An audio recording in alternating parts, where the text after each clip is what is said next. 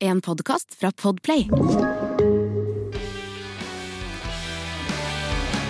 Hei, hei, hei til deg som er velger, eller deg som er under 18 år, og som tenker at selv om jeg skiter i politikken og ikke kan stemme, så skal jeg høre på Megene. Velkommen skal du være. Dette er altså Helsemegene tar tempen.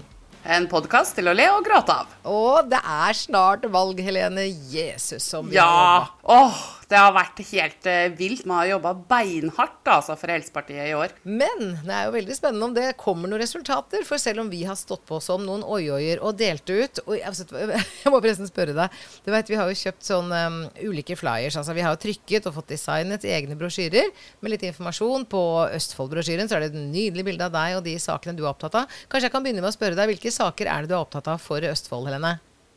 Eh, en av de tingene som vi eh, brenner veldig for, er selvfølgelig å utvide kapasiteten på Kalnes. For Mm. det, har, det har jo bare vært katastrofalt siden åpningsdagen. De debuterte jo eh, i sitt første år som Norges korridorpasientfrie sykehus med over 4000 pasienter på korridoren. Der har vi liksom bare lagt lista for, for hele sykehuset. Og det her slår jo negativt ut for kommunehelsetjenesten, som mottar pasienter i hytt og gevær uten hjelpemidler eller varsel eller eh, Og hele natta til og med, så dere kan jobbe om ja, natta, da. På hele natta. Og, og du vet at det her lammer jo kommunehelsetjenesten noen ganger. Det er ikke noe god bemanning eller dekning der heller, så vi må styrke kommunehelsetjenesten. Og så er det jo også sånn at eh, sykehusene tjener jo på reinnleggelser. Så det å skrive ut en pasient prematurt, det er det en økonomisk gevinst i. Så her, det, her må vi inn og, og filleriste litt på Kalnes. For, for da tenker jo jeg det, at eh, er, er det derfor de skrives ut sånn eh, kvart over ett på natta og må legges inn innen 24 timer? Er det penger eh, det er snakk om her? Ja, Det er ikke umulig, for penger er et virkemiddel som har det med å fungere. Så jo mer penger vi kan tjene på å kaste uferdige pasienter hjem, jo da kommer de tilbake, så er inntektene sikra. Det er jo kjempelur økonomi, men det er kanskje ikke fullt så grei etikk. Ikke så god helsefag, kanskje ikke så klok politikk eller forvaltning. Men det får bli opp til demokratiet, da. Hvis de fortsetter å stemme inn de partiene som står ansvarlig for dette systemet, så er det kanskje dette folket vil ha. Ja, det, altså, det er jo opp til folk å bestemme hvordan de vil ha det. Og så må vi jo ikke glemme at selv om du sitter i en direktørstilling i dag og har to biler og råd til å kjøre gjennom bomringen uten å blunke, at du kan bli dårlig en dag, du òg, altså. Man skal ikke se bort ifra det. Vi blir alle gamle, og vi kan alle bli syke. Og det er også en ting som jeg er opptatt av her i Østfold. At vi syns at eh, de bompengeringene slår eh, ned veldig, veldig usosialt. Og jeg merker det selv. Jeg har en eldre mor som bor i Fredrikstad. Jeg bor i Sarpsborg. Vi har en bompengering imellom oss. Og jeg, jeg, og jeg syns liksom på en måte at det er litt forkastelig også, fordi at jeg sparer jo kommunen masse penger ved å kjøre fram og tilbake og hjelpe mora mi istedenfor at hun skal ringe hjemmesykepleien. Så skal jeg betale for det i tillegg. Ja og er det noe vi har nok av i Norge, så er det penger til å bygge vei og sikre vei. Og vet du hvem som betaler for det? Ja da, det er det jo for pokker meg, fordi jeg har en bil. Dette har jeg betalt for i så mange forskjellige avgifter og skatter at det er helt høl i huet og så liksom sukre den fæle kaka med en bompengering i tillegg. Men- Jeg orker ikke! Men løsningen er jo Helsepartiets politikk, for der sier vi at veibygging er faktisk et statlig ansvar, og dette er noe vi må ta oss råd til, fordi samferdsel også er noe som må ligge til, til rette for at helsa skal ivaretas. Vi trenger trygge veier hvor det går an å komme seg trygt fram, både så bilistene er trygge, men også så vi kan få utrykningskjøretøy trygt fram. Ja, og så er det jo også sånn at om vi hadde lagt ned bompengeringene, så hadde vi ikke merka noe særlig til det. fordi at det, det er fremdeles staten som må finansiere det her. For den største delen av inntjeningen på bompengeringen, hvor går den? Går jo ikke til veien, den. Det er jo de som tjener penger! Jeg fikk sånn bilde i huet, ja da. Ikke sant? Staten i hovedsak betaler jo for veibygginga, og så har de lagd sånn spleis attåt. Og den spleisen den kaller de bompengene. Det er de penga som renner inn litt sånn fra sida, som de bruker til litt av hvert. Selvfølgelig litt går til vei også, men det går nok mye til byråkrati. Ja, En siste sak som du også har på din flyer, det er Nav-systemet. For det syns du heller ikke er så imponerende, ei heller i Østfold. Nei, er det noe som er helseskadelig eh, for alle, så er det å være i kontakt med Nav. Da, da har du fri tilgang på magesår, grått hår, tinnitus, nervøse rykninger. Det er kronisk hodepine. Det er helt satt. Det er en, Nav er som en sånn der byllepest du ikke slipper unna. Det, Jeg lurer på om det der gjelder både for ansatte og de som trenger Nav som klient. Du, vet du hva? Jeg, min erfaring med Nav er jo spesiell. Eller kanskje ikke spesiell og ikke unik engang heller. For jeg har jo snakket med mange som har eh, slitt i uh, sitt forsøk på å få hjelp fra Nav. Mm. Noe som er absurd, for Nav er jo, uh, en, skal være en hjelpeinstans for å sikre at alle som bor i Norge skal ha det aller mest nødvendige for å ha en, en akseptabel livskvalitet. Mm. Når du da skal krangle med Nav i åtte-ni måneder for å få pleiepenger for et sykt barn, eller du må selge huset ditt for Nav har bestemt at du skulle skulle vært operert, for det har gått et år, og så, du, og så står du i kø på sykehuset enda. Ikke sant? Jeg tenker at det, det, her er faktisk like vondt for dem som jobber der. Jeg har snakka med ansatte som, som syns det er grusomt å sitte og snakke med klienter og prøve å forsvare et regelverk som de også sjøl syns er urimelig og urettferdig, og, og, og, rett og slett gjør livet vanskelig for mennesker som allerede er i en sårbar situasjon. Ja. Så jeg tenker at det, det, er mange ansatte på Nav som, som ville vært veldig glad for at noen setter fokus på at det er systemet her som er råttent. Det er byråkratiet det er noe gærent med, og det må kunne kunne gå an å hjelpe mennesker på en, på en annen og litt mer ordentlig og ryddig måte. Og byråkratiet alene i Nav, det koster jo fader i meg mer enn det de betaler ut i stønader. Det er helt absurd, det byråkratiet de har. Ja, men det er det, Elise. Nei, de det er ikke det. For det, det, samlede Nav-budsjettet det er vel på over 450 milliarder kroner, og så mye koster ikke byråkratene oss. Ja, men nå regner du helt, helt feil her, vet du, Lise. Fordi at det byråkratiet, det koster ikke bare penger. Det koster Paracet, det koster magesyretabletter, det koster det koster sovemedisin. Det koster forbannelse. Ja, du har helt rett. Det ja. overgår de eh, nesten 500 milliardene som uh, trygdebudsjettet utgår på. Da er du helt den, Helene. Ja, den kostnaden er mye verre enn kroner og ører. Og det er det Helsepartiet står for. Det er liv og helse skal gå foran penger. Sånn er det. Punktum. Og du vet at eh, de bruker en del milliarder på å forfølge mennesker som Og det ser vi i dag også, at det er en del saker som må åpnes. Mennesker som aldri burde vært forfulgt. Mm. Og de bruker også penger på å forsikre seg om at folk ikke f.eks. uriktig mottar en stønad eller hjelpemiddel fordi de har et amputert ben. Du må altså bekrefte med en legeerklæring at benet ditt ikke har vokst ut på noe ja. tidspunkt. Ja, det og, og, det er tøvete, syns jeg, da. Eller at uh, Downsen ikke har gått over. Ja, jeg sitter i den samme situasjonen. Jeg har en datter med autisme og hjerneskade og må regelmessig ha en legeerklæring på at uh, ungen fremdeles er i den tilstanden, da. Så jeg tenker at uh, hvis noe annet skulle skje, så, så gidder ikke jeg være politiker, for da blir jeg millionær. Mm, ja, da har du funnet løsningen på. Da har jeg funnet løsningen. Helene, dette var altså en gjennomgang av den flyeren som eh, du har presentert i eh, Østfold. Men det jeg egentlig skulle til, var jo denne hovedflyeren. For vi har også trykt opp eh, x antall eksemplarer av hovedflyeren, som vi da bretter i to. Men den koster så mye penger å kjøpe ferdigbretta. Og Helsepartiet er et lite parti med dårlig økonomi. Og vi har betalt mye av egne lommer, så vi har kjøpt dem ubretta. Men vi har da sittet og brettet og brettet og brettet og brettet. Hele Norge oh, ja. bretter. Ja. Du, vil du gjette hvor mange flyers vi har brettet og delt ut nå, bare av hovedflyeren? Vet du hva, Det aner jeg ikke, men jeg, jeg, vet i hvert fall at her i Østfold så er det ganske mange tusen allerede. Mm, på landsbasis 200 000 flyers. Oh. Så det er et ganske stort stykke arbeid vi har utført uh, bare ved å sitte og brette. Og så skal det selvfølgelig også deles ut. Ja. Ja da. Men det men har der... vært artig, så det er mange som har fått en hilsen fra Helsepartiet i postkassa si. Ja, det er det, og det tror jeg er ålreit. For at uh, folk trenger å vite at vi faktisk uh, eksisterer. Og det er jo ikke så lett for oss å, å, få vist oss fram heller. For det er jo litt sånn at når vi er engasjert i en sak og gjerne vil være med å debattere eller få inn et innlegg, så, så blir vi ofte møtt med en uh, stengt dør. så jeg vet ikke helt hva de er redd for. Om de frykter pengesekken eller makta eller hva det er. For det er jo litt sånn som vi har snakka om før, med keiserens nye klær. Og så er det vi som kommer med speilet, ikke sant. Og bare Se her, jeg har med et speil. Å nei, la meg gå vekk. Så stenger de døra. Så ja, at vi ikke slipper til, det tar jeg som et kompliment. Det er fordi at vi har et budskap som de skjønner at de må frykte. For dette truer deres posisjoner og makt, ikke sant. Men, men en ting er på en måte at de andre partiene syns det er litt skremmende at det kommer et parti som er dedikert til helse, og som har gjennomgående politikk for alle områder bygget på helse. Jeg skjønner at det på en måte er en reell trussel, for alle partier frykter at noen skal stjele velgerne deres. Og det er på en måte måten å presse de andre partiene på. så Derfor så pleier jeg å si at hvis du stemmer på Helsepartiet, så har du pressa helsepolitikken i alle de andre store partiene. Det er det du faktisk gjør med å stemme på Helsepartiet. Og i tillegg har du mm. sikra vår videre drift for hver eneste stemme. Det er det mange som ikke veit. Hver eneste stemme er jo verdt faktisk 100 kroner for det partiet du stemmer på. Men at, de, men at partiene frykter oss, det er én ting. Men det jeg som journalist syns er er veldig interessant, det er at det virker som om mediene også enten forakter det som er smått. De skal da faen ikke ha noe med de små å gjøre. Vi driver jo ikke og lager debatt med de små. Altså de store, Jo større mediene er, jo eh, utrolig mye mer arrogant er de. For lokalmediene har vært ganske interessert og vært flinke til å dekke det vi er med på. Eh, de har også tatt inn leserinnlegg. Regionsavisene har vært noe vanskeligere, men hovedmediene har vært nærmest håpløse. Og jeg har en eh, erfaring som jeg syns beskriver ganske godt hvor udemokratisk NRK oppfører seg.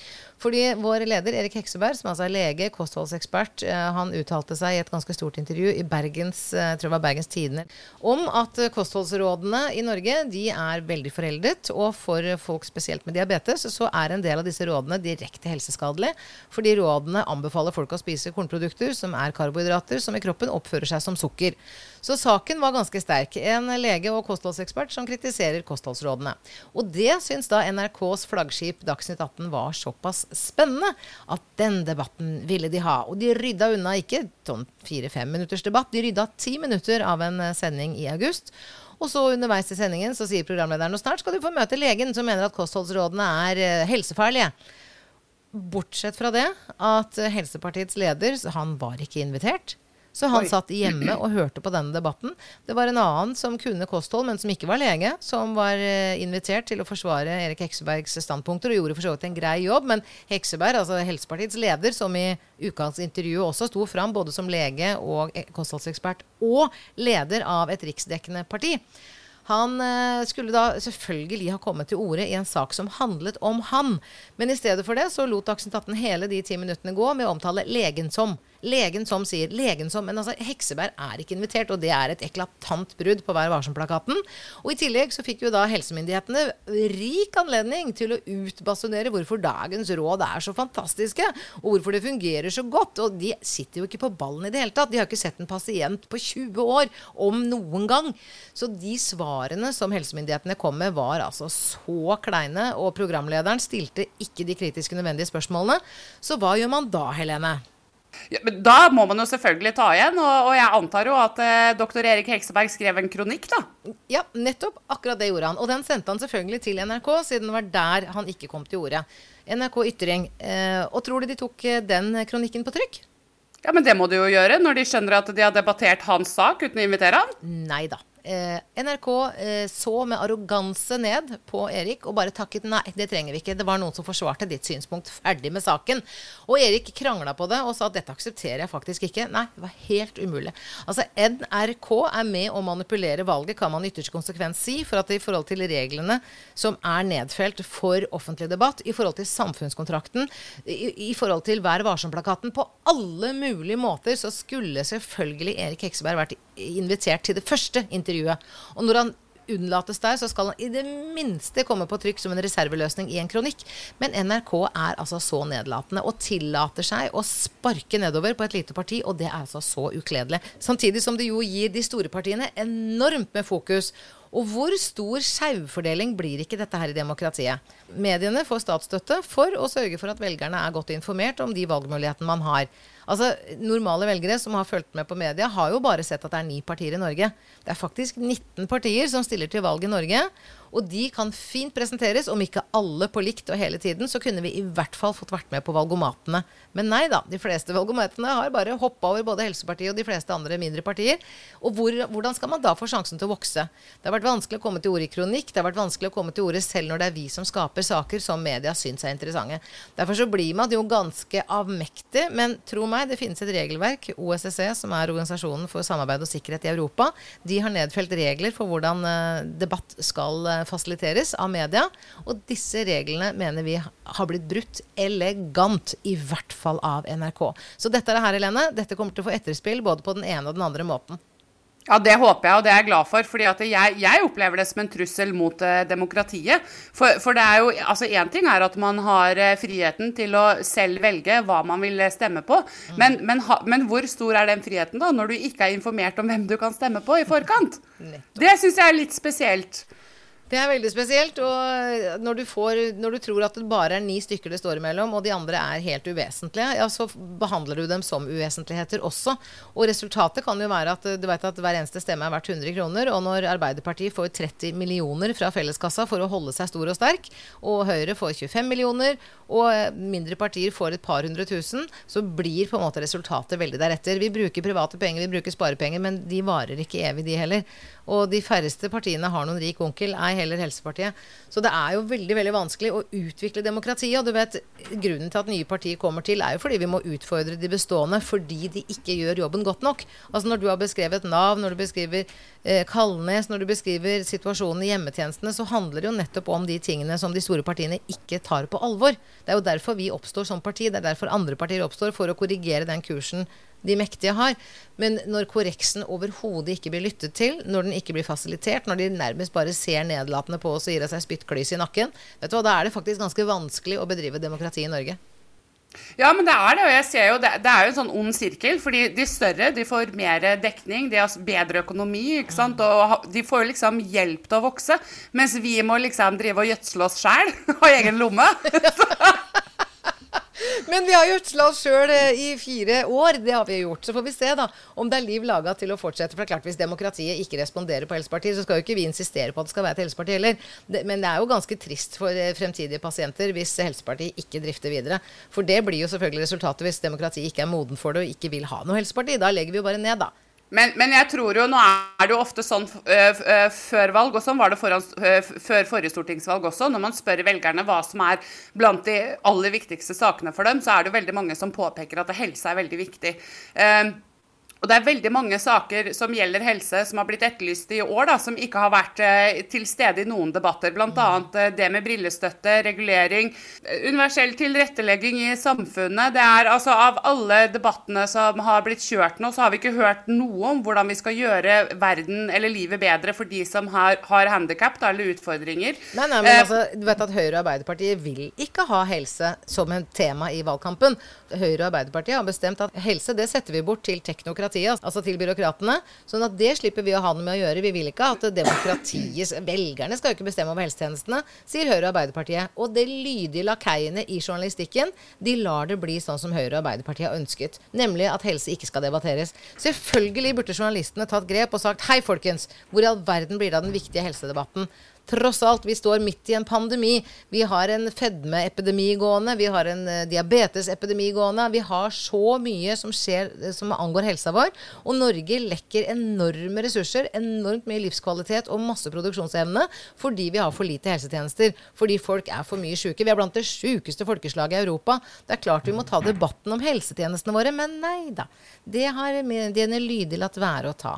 Så de lar Høyre og Arbeiderpartiet diktere at det ikke skal være noen del av valgkampen. Og dette er altså journalistenes ansvar. Og jeg er journalist, så jeg er jo rasende på, på standens vegne. Jeg syns så mange journalister og så mange redaktører og så mange redaksjoner har gjort en dårlig jobb. Samtidig som jeg også ser at det er en god del hederlige unntak hvor det faktisk har blitt debattert, selv om de store mediene har boikotta helse. Så her ligger ansvaret både hos de store partiene, men også hos journalistknehønene. Du hører Helsemeggene med Helene Spro og Lise Askvik, og i dag raljerer vi Meggene over hvordan verken media eller de store partiene ønsker å inkludere helse som et tema av årets valgkamp. Men jeg ser jo at Arbeiderpartiet og, og Høyre de har jo en liten sånn der luring oppi armet. For det er jo én helseting de pleier og vifte litt med på eh, før et valg. Og det er, det er, nesten litt sånn som å ha en, eh, en tank med akvariefisk, og så bare sulte dem noe skikkelig i tre uker, og så slipper du ned de to korn med mat, og så blir alle glad for det lille kornet, for de er så sultne. Er vi på eldreomsorg? Vi er på eldreomsorgen. Og hvorfor gjør de dette? Jo, for de vet jo det at de som er over 65 år i Norge, de har en lang historie med å enten stemme Arbeiderpartiet eller Høyre. Og de er lojale. Eldre mennesker er superlojale. Norge er jo blant de mest lojale menneskene i verden. Vi bytter jo ikke bank eller telefonselskap, selv om vi veit at vi sitter med den dårligste leverandøren. Ah, nei, vi vil ikke, å, nei, må ikke bli lei seg og sånn. Ikke sant? Vi bytter ikke. Og, så dette her gjør de hvert eneste forbanna valg. Mm. Så kaster de ut den her bitte lille agnet, den utsulta fisken som nesten ligger på rygg i det akvariet, og så blir de så glad. Ja. Det er akkurat sånn det skjer, Helene. Fy flate. Det er altså helt vanvittig, men, men, men, dermed så kreves det jo at velgerne har huet litt med seg. Velgerne må faktisk se litt hva det er som skjer, og lese seg litt opp. Men det er klart, da må de jo få et sted hvor de kan lese og få med seg informasjonen, da. Og da har vi nok en gang media, som må gjøre jobben ja. sin for at demokratiet skal fungere. Det er jo det som er så alvorlig her, ikke sant. Vi, nå er det mange, og det har dukket opp masse korrektiver, det har dukket opp mange nye spennende partier som har ting på hjertet som er verdt å lytte til. Eh, I hvert fall Helsepartiet. Ja. Men media må jo også vise det oppmerksomhet, så velgerne kan få velge blant det som finnes. Dette her er, henger altså ikke ja, altså, sånn jeg, vil, jeg, vil, jo at Helsepartiet skal få lov til å slippe litt mer til, sånn at vi kan påpeke de løgnene de serverer. Når, mm. når, når, Erna går ut og sier det at å, vi lover å kutte sykehuskøen med to uker, vi. Fordi at å, da blir det så mye bedre. Stem på Høyre, så blir sykehuskøen kortere. Ja, men hva hjelper det meg når køen er 35 uker, Erna? Mm, Hæ? Eller hvor Hva? dårlig Bent Høie forstår psykiatri. Når Bent Høie går ut og sier ja, vi skal sørge for at det blir behandling innen tre uker. Altså Når du er psykisk syk, så står det om timer. Du kan ikke vente i tre uker på psykiatrisk hjelp. Pluss at det er mange som ikke får selv etter tre uker, ikke etter tre måneder, ikke etter tre år. Du, altså De tre ukene de har henta, Mona henta fra egen erfaring. For du må være stortingspolitiker eller dritrik hvis du skal ha psykiatrisk hjelp innen tre uker. Det er ingen i Norge som får hjelp innen tre uker. Det har aldri skjedd. Er, du er heldig hvis du får innen 50 uker. Det der er jo bare pissprat fra ende til annen. Ja. Altså, Det er så mye rart ute og går nå, og det er utrolig viktig at velgerne leser seg opp og gjør seg en mening og er kritiske og ikke jatter med. For det er noe med at hvis Høyre og Arbeiderpartiet får tilliten annenhver gang og fortsetter og fortsetter, ja, så får man faktisk det samfunnet man fortjener. Da har i hvert fall vi gjort vårt til å prøve å korrigere kursen. Men hvis verken media eller velgerne på en måte ser noen verdi i det, så skal ikke vi insistere. Da kan vi heller bruke tida vår på andre ting, Helene. Drikke oss fulle, f.eks. ja, men, men, Lise, nå må du ikke undervurdere deg selv. Nå har jo vi som to skikkelig gode megger tatt balletak på ett medie, i hvert fall. Vi har denne podkasten, og her sier vi akkurat hva vi vil. Og det er bare å dele i vei. Er dette budskapet viktig og riktig for deg, så del, del, del. For dette mediet eier vi. Det, og I tillegg så har vi jo begynt å åpne en valgbod. Og vi har valgboden, sånn digital valgbod som alle kan klikke seg rett inn i. Selv om du sitter hjemme i din egen stue, om du har mobil eller PC, kan du klikke deg rett inn i vår digitale valgbod, som er åpen hver dag fram til valget, fra klokka 12 til klokka 1, og på kvelden fra klokka 20 til klokka 21. Og I tillegg så har vi jo, som du sier, selvfølgelig podkasten vår, vi er på sosiale medier. Vi har jo vært å høre, vi har faktisk klart å skrape sammen noen kroner både til litt radioreklame og til nettreklame. Det går en fin reklame for deg nå i Indre24, som er en skjønn liten digital avis i, i Indre Østfold, Helene. Ja, men du vet at jeg driver og kjefter og smeller og bråker så fælt, så jeg har vært eh, med på NRK-radio òg. Jeg er en liten snutt som oh, har gått i loop. Ja, ja, ja. Nydelig. Så jeg, Og jeg sier ikke nei. De ringte meg fra NRK tidlig på morgenen. Jeg tror jeg hadde sovet i 40 minutter. Ja, men Så bra at NRK har vært innom oss, da. Det er jo glimrende. Ja, det har de faktisk. Og, og, og hun, eh, journalisten som jeg snakka med, syns jeg jeg elsker henne litt. For hun sa jo det, at jeg vil gjerne snakke med de som er stortingskandidater for de små partiene. For de store har vi jo hørt så mye fra så lenge. Og har det skjedd noe? Nei, det har jo ikke skjedd noen verdens ting. Hvis politikerne hadde gjort det de hadde lovet, så hadde det ikke vært et behov for Helsepartiet. Da hadde ikke du og jeg sittet her. Da hadde vel vi sittet drita i hver vår eh, kåk da, med bare trusa og svømmeføtter. Jeg går inn på lilleindre24.no nå. Her går, triller og går reklamen vår, og det skal de fortsette med en hel måned. Så lenge etter valget så kommer Helsepartiet til å prege den søte lille avisa på, på Indre24. Ja, det er herlig. Neida, men Helene, det er, sant skal være rett. Altså, det er jo ikke sånn at vi har uh, blitt totalt oversett hele veien. Overhodet ikke. Det er bare NRK jeg syns har vært vanskelig. Men jeg er veldig veldig glad for å høre da, at uh, NRK i hvert fall har vært i kontakt med deg. Det ja. syns jeg er fortjent. Men, men jeg syns dette er et bilde på samfunnet. Så du ser at de som er mindre, de stiller opp for hverandre og støtter hverandre. Og de som er store, de gjør alt de kan for å forbli store, og ikke la de små slippe til. Mm. Så det er litt derfor at det er lettere for oss å nå fram i mindre medier. fordi at de, de, der, de er jo der vi er. ikke sant? De vet jo hvordan den kampen er. da. Så, så, det er et slags lite bilde på samfunnet. Så hvis du er en av dem som, som, veldig gjerne vil at de små skal også få lov til å bli store og bli hørt og sett, så er det bare å stemme på Helsepartiet. Yes! Jeg lurer på om det er den positive slutten på dagens valgkamp. Ja. Dagens podkast, mener jeg. Nå har jeg vært så mye valgkamp. Jeg har vært så mye valgkamp, Helene. Jeg er så sliten. Jeg drømmer om valgkamp. Jeg legger meg liksom etter midnatt. Jeg flyr i postkasser. Jeg løper fra sted til sted og svarer på e-poster og er i de altså, Det går altså så unna nå, men det er jo mest av alt så er det jo faktisk veldig veldig hyggelig. Vi møter jo masse spennende og hyggelige folk. Ja, er, jeg syns det er veldig gøy. Jeg har jo ikke hatt så mye tid til å gå rundt så veldig mye, men, men jeg har alltid med meg flyers og prøver å bruke den oransje Helsepartiskjorta så ofte jeg kan. Og jeg kommer jo i snakk med folk på butikken og bensinstasjonen og litt her og der, og, og, jeg er jo forferdelig engasjert. Og du vet at når den kjeften min setter i gang, så er det veldig vanskelig å stoppe den. Så det er, jeg driver sånn spontanvalgkamp rundt omkring. Det er sånn, Jeg driver pop-up-valgkamp, jeg. Valgkamp og intuisjon. Ja, men du har vært i sinnssykt mye podka ikke podkaster, men eh, postkasser. Ja, det har vi. Og jeg har jo engasjert eh, andre også. Så vi, er, eh, vi, har, vært, eh, vi har faktisk dekka ganske store områder av Østfold. Men vi har jo litt tid igjen. Og vi har noen flyers igjen, så vi skal fortsette. Ja, det er strålende. Helene, takk for den fantastiske innsatsen. Vi får bare krysse fingrene og oppmuntre hver og en av dere lyttere til å både dele podkasten, til å vurdere om du skal stemme Helsepartiet, sette deg inn i programmet vårt, helsepartiet.no. Der finner du alle detaljer om vår politikk. Og vi har altså politikk for alle sektorer. Eh, var det noen flere bevingede ord med på veien ut da, Helene?